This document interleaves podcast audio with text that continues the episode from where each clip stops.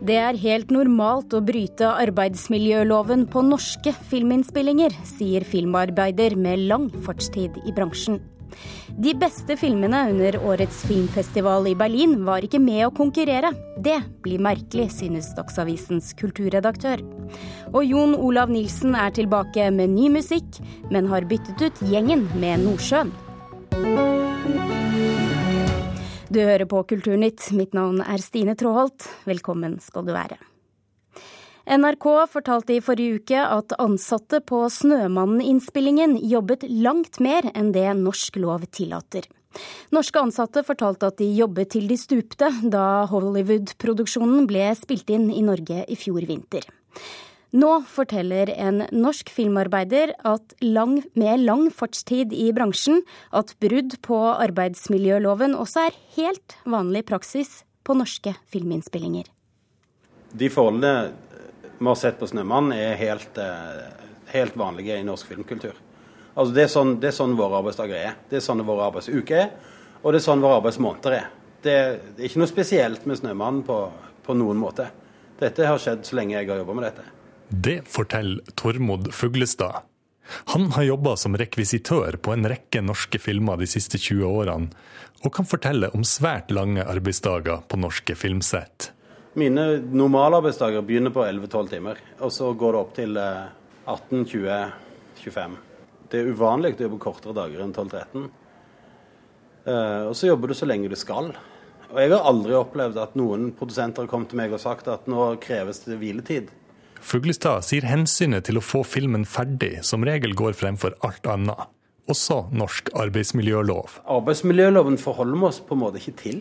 Altså med, for vi forholder oss til filmen, at vi skal få produktet vårt ferdig, altså få bildene våre tatt. Og det trumfer alt annet. Altså Det trumfer familie og venner og sosialt liv. og ja.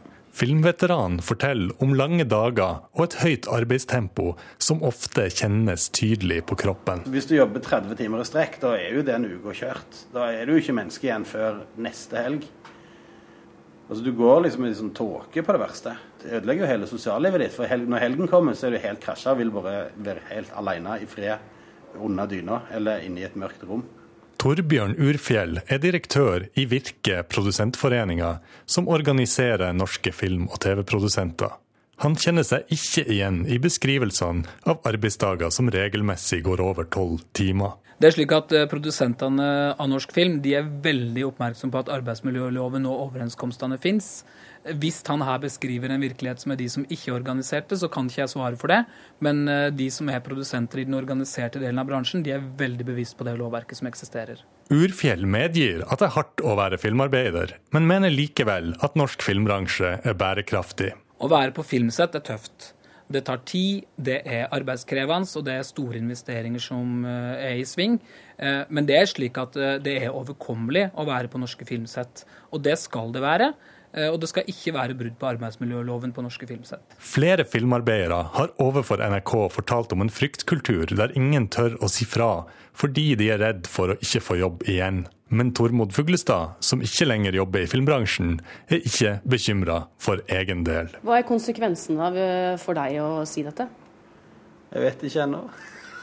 det vil vise seg. Kanskje jeg aldri får jobb igjen. Eh, nei, jeg vet ikke. Det var eh, Eirin Venås Sivertsen og Gaute Sakariassen som hadde arbeidet med denne saken.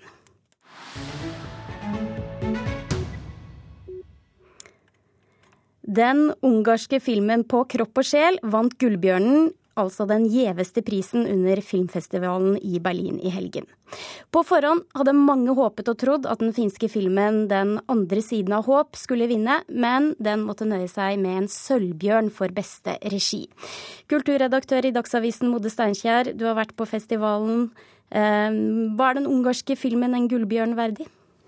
Nå skal jeg innrømme at jeg så ikke den Gullbjørnvinneren, for den, det, nå er det sånn på disse festivalene, særlig der hvor du har tre konkurransefilmer per dag, at du må prioritere bort noe. Denne filmen ble vist tidlig i festivalen. Den hadde ikke noe særlig bøss rundt seg som skulle tilsi at den fikk Gullbjørnen. Men det viste seg jo allikevel til slutt at det var da romantikken som vant over politikken på Berlinalen i år. En egentlig veldig profilert politisk festival, som da valgte en helt annen retning når det gjaldt topprisen. Mm. Kort, kan du bare fortelle likevel hva den handler om, for det vet du. Du, dette er et, eh, et romantisk drama. Eh, fint, poetisk eh, sådan skal det være, om en kontrollør på et slakteri og hennes sjef, som da forsiktig prøver å tilnærme hverandre og åpne seg opp for hverandre. Så det er en veldig intim film. Og det den har fått veldig mye skryt for, er det visuelle, spesielt disse scenene i slakteriet, da satt opp mot romantikken. Så jeg kan godt tenke meg at den har forført mange. Hvordan vil du oppsummere årets eh, festival i Berlin? Det var vel en festival på det jevne, kanskje til og med litt under det jevne. Ehm, da tenker jeg på konkurransefilmene først og fremst. Ehm, mange politiske filmer. Eh, mange filmer om utopier som faller, om, eh, om drømmer som, som brister. F.eks. Ake Kaurismäkis film 'The Other Side of Hope'. Flyktningedrama ehm, om en syrisk flyktning som finner ut som finner ut at drømmene ikke helt stemmer overens med det Finland han møter. Ehm, det var en av de bedre filmene. Eh, så var det veldig mye middelmådig. Eh, det var noe riktig dårlig, og så var det en del interessante filmer i tillegg. Men du reagerer litt på at de beste filmene ikke har vært med å konkurrere. Hva legger du i det? Jeg mener at når du er på en festival, så forsøker man også å følge filmene i sideprogrammet. Uh, gullet ligger ofte der, men uh, uten at de har muligheten til å vinne Gullbjørnen eller Sølvbjørnen for den saks skyld. Um, I år så var det jo spesielt én film som pekte seg ut, 'Call Me By Your Name', av Luca Guadagnino. Et komme ut av skapet-drama, som alle var enige om at hadde den vært i hovedkonkurransen, så ville den vunnet. Nå var den i Sundance, eh, festivalen i USA, og det vil si at da vil ikke Berlin ha den i konkurranse, for de vil ha kun verdenspremierer. Ja, og dette er en tendens som du også ser bl.a. under det som ofte kalles verdens viktigste filmfestival, filmfestivalen i Cannes. Hvorfor blir det slik? Det er fordi at de festivalene, Berlin, Cannes, Venezia, eh, de konkurrerer med hverandre. De vil ha verdenspremierer, de vil ha sensasjonen ved å kunne utpeke en ny film til sin toppvinner, enten det er Gullbjørn eller Gullpalme eller Gulløve. Um, og jeg tror det er det det kommer av. Og på en måte er det også litt riktig at uh, filmer som allerede uh, har fått et godt buzz, ikke da skal flyte på det inn i en ren konkurranse. Tusen takk, Mode Steinkjer, som altså er kulturredaktør i Dagsavisen.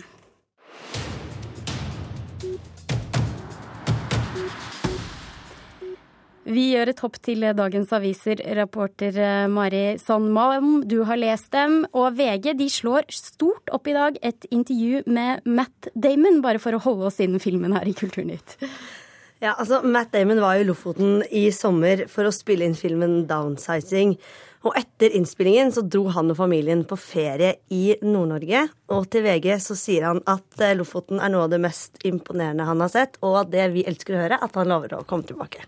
Tusen takk for det, Matt Damon. Vi hopper til emojis. Det ble kåret til årets ord av Oxford Dictionary i 2015, og i dag så skriver Dagbladet at grunnen til um ja, hva er det egentlig? Hva er grunnen til at vi bruker disse små tegnene eh, og fjesene når vi skriver meldinger? Ja, det er jo det vi alle kan lure på. Altså, det er professor i nordisk ved UiO, hun heter Ruth eh, Vatvedt Fjell.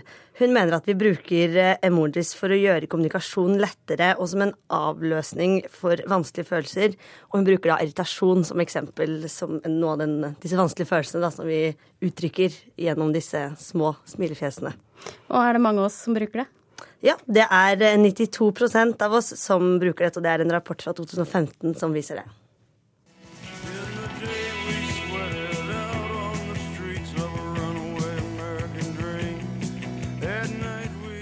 Bruce Springsteen her, han er på turné om dagen, og noen publikummere er heldigere enn andre, Mari. Ja, Han holdt eh, konsert i Brisbane i Australia i forrige uke, og under konserten så ble 17 år gamle Agnes Birkeland Nordland tatt opp på scenen for å spille og synge med Springsteen. Og det er ikke første gang hun opplever dette, for akkurat det samme skjedde under en konsert i Oslo i august i fjor. Og ifølge Aftenposten så ble Agnes gjenkjent av Springsteen selv, og han dro henne opp på scenen og ga henne en klem. Så noen er jo altså heldigere enn andre. Takk, reporter Mari Sandmalm. Over hele landet så bruker nå flere tusen barn nettbrett på skolen. Men forskere vet ennå ikke om det virker. Det skal et forskningsprosjekt ved Høgskolen i Innlandet forsøke å finne ut av nå. Skolene selv melder så langt om gode resultater. Dere kan gjøre det på hver deres iPad, men eh, dere skal samarbeide, så dere må skrive det samme. Ok, Da kan dere åpne, skal jeg droppe til dere. Syvende klasse på Aurevoll skole i Øyer kommune har naturfagstime med iPad. Har alle fått den? Ja. Fint. Da er det bare å sette i gang. Ved hjelp av trådløst internett overfører lærer Marianne Sæteberget timens oppgaver til elevenes nettbrett, forteller Hulda Engebretsen. Vi har en oppgave hvor vi skal svare på noen spørsmål hvor vi bruker appen iThoughts, og så er hun droppa tankekartet til, og så skal vi fylle inn. Og slik gjør klassen det ofte. Vi bruker iPaden til omvendt undervisning se på filmer, til å finne informasjon, til å skrive, til å regne. Så vi bruker det ganske mye. Hver dag. Eh, nesten hver time. Elevene selv er ikke i tvil om hva de synes om å bruke nettbrett, skal vi tro Iver Austad og også se Parkson. Mye bedre enn bok. Hvorfor det? Lettere. Eh, fint og mer motiverende Hvorfor enn bok. Nei, fordi du bruker jo iPad og telefon sånn i hverdagen, og så blir på en måte bare mer komfortabel med å bruke iPad. Aurevoll skole er ikke alene om å bruke nettbrett i undervisningen. Flere tusen elever over hele landet gjør det samme. Men forskerne er enda ikke sikre på læringsutbytte.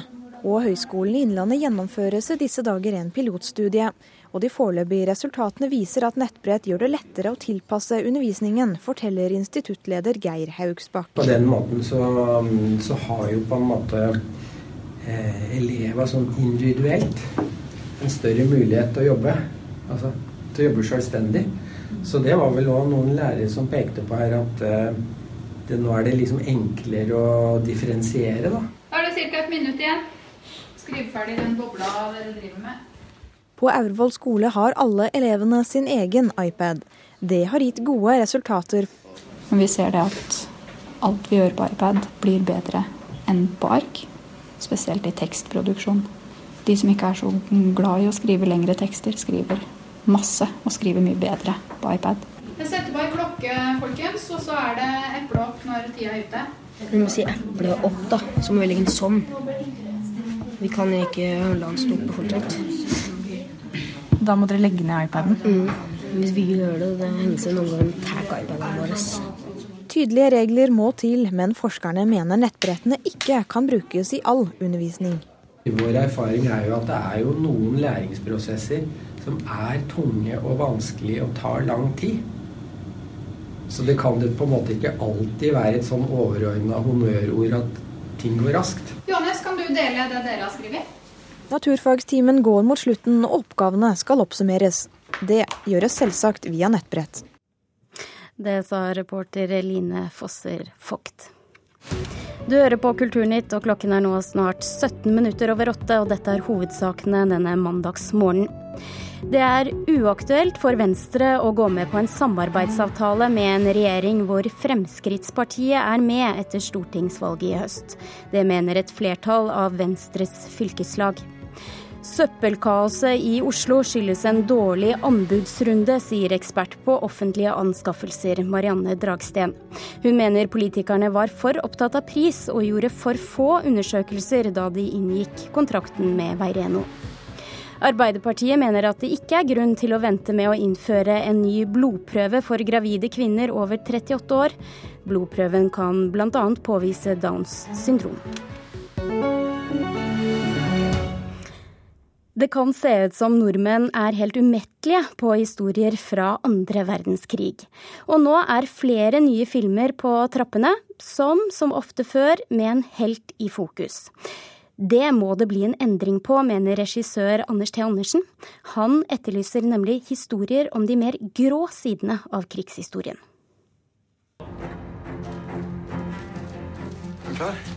Kongens nei. Max Manus. Kampen om tungtvannet. Offer eller spion. Heltehistoriene fra andre verdenskrig har blitt store film- og TV-produksjoner de senere årene. Og trenden fortsetter. I år ferdigstilles Harald Svarts film om motstandsmann Jan Baalsrud. Og to norske heltinners liv skal bli film. Gunhild Westhagen Magnor planlegger en film om motstandskvinnen Eva Kløvstad. Og produsentene Turi Øversveen og Karin Julsrud i Fire og en halv film skal filmatisere Sonja Wigerts liv. Hun endte som dobbeltspion eh, for tyskerne og for svenskene. Hennes historie er uhyre spennende. Og det er ikke minst eh, gøy for oss å lage en film fra andre verdenskrig med en kvinnelig hovedkarakter. Dem har det ikke vært så veldig mange av. Es ist soweit. Filmskaper Anders T. Andersen har i en årrekke jobbet med å lage film om landssviker Henry Rinnan. Han mener tiden er overmoden for å se den mer grå siden av krigen. Det interessante er jo å se det andre, egentlig. For å prøve å forstå noe av hva som skjedde, og hvordan det var mulig at noen kunne gå til sånne ekstremiteter som det Rinnan gjorde. da, Rinnan-banden. Så er ikke det at det, eh, dette jeg snakker om nå er noe kritikk av at man lager heltefilmer. Det er jo i det andre vi trenger å lete med lys og lykte for å prøve å forstå hvordan det var mulig for å eventuelt kunne unngå det igjen. Julsrud sier det er viktig for publikum å kunne identifisere seg med hovedrollen i en film. Og så vet vi jo at også de som var på den andre siden, får ganske store roller i de historiene. For det blir jo ingen historier uten at du viser begge sider. Men at vi lager hovedroller ut av de som faktisk øh, gjorde de såkalt riktige tingene, da. Det er egentlig ganske naturlig. Andersen peker på en annen viktig faktor. Det er vel ikke til å komme fra at det er nok lettere å få finansiert opp en film om en helt enn er om en, eh, en som begår masse ondskap. Det bekrefter utviklingsdirektør ved Norsk Filminstitutt, Sveinung Golimo. Særlig sånne historiske filmer er veldig kostbare å lage. og Det krever et kreves også et publikum for å, for å kunne rettferdiggjøre de, de, store investeringene som må gjøres i et sånt prosjekt. Jeg tror ikke det bare har vært enkelt i forhold til uh, Sonja Wigert uh, heller. Det jo, viser jo at det er mulig uh, å, å, få finansiert filmer som ikke nødvendigvis tar utgangspunkt i de kjente heltehistoriene. My country was stolen from me, sir. And I want it back. Har det vært nok filmer som viser den grå siden ved krigen? Det har jo historisk sett vært veldig mye heltedyrkelse i forhold til eh, det som har med krigsfilm å gjøre. Men vi ser jo at det kommer flere interessante prosjekter nå som viser helt andre sider av krigen. Karoline Tolvsen hadde laget denne saken.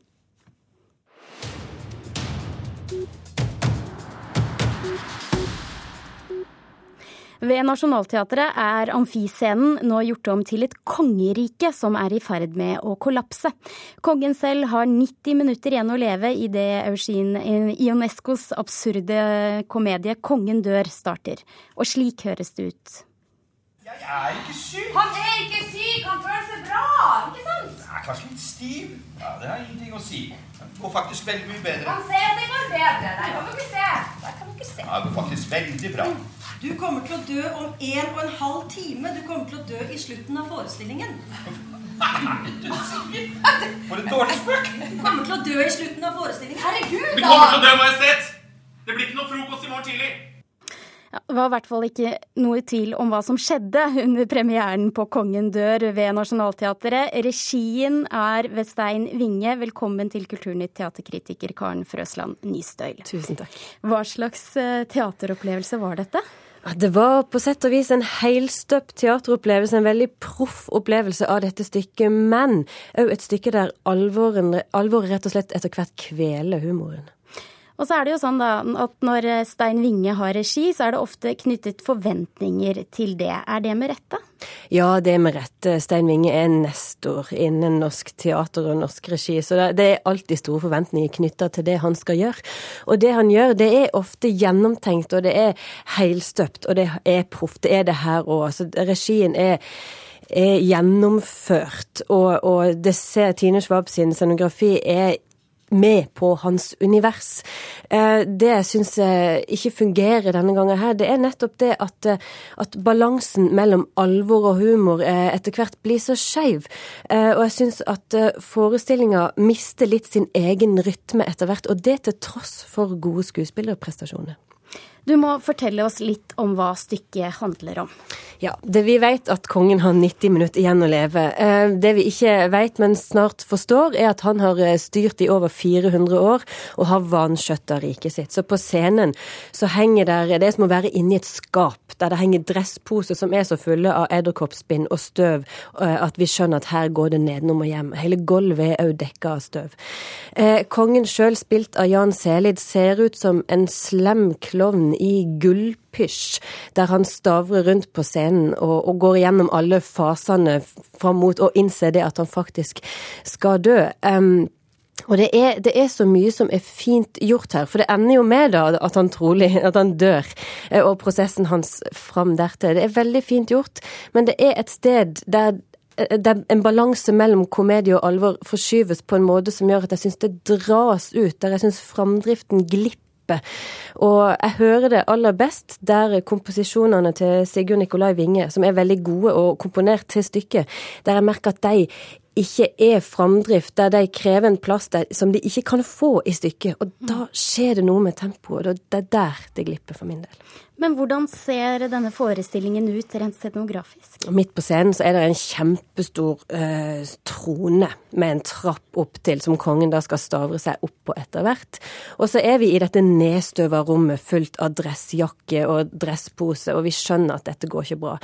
Garden er f.eks. redusert til én soldat som står og røyker på sidekanten. Vi har én tjener igjen, og kongen har da to koner.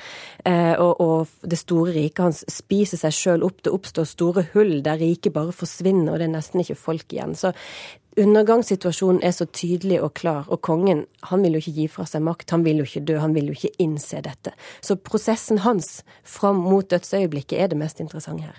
Stykket er da skrevet av Ionesco, en absurd mester kan vi vel kalle mm. han. Eh, er det relevant for vår tid? Å ja, det er det. Eh, det er et urovekkende politisk landskap vi beveger oss i, både i Europa og ellers i verden. Og det å gi slipp på makt, det tror jeg at vi alle veit hva handler om, og kan kjenne igjen ut fra det politiske landskapet vi beveger oss i. Men likevel litt mangler på denne oppsetningen. Eh, tusen takk, teaterkritiker Karen Frøsland Nystøl.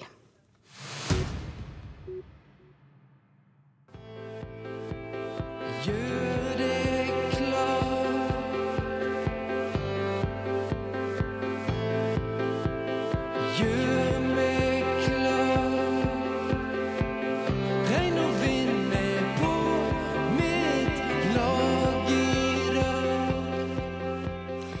en lang pause er Jon Olav Nilsen tilbake med ny musikk. Her hører vi låta 'Bergtatt av dage'.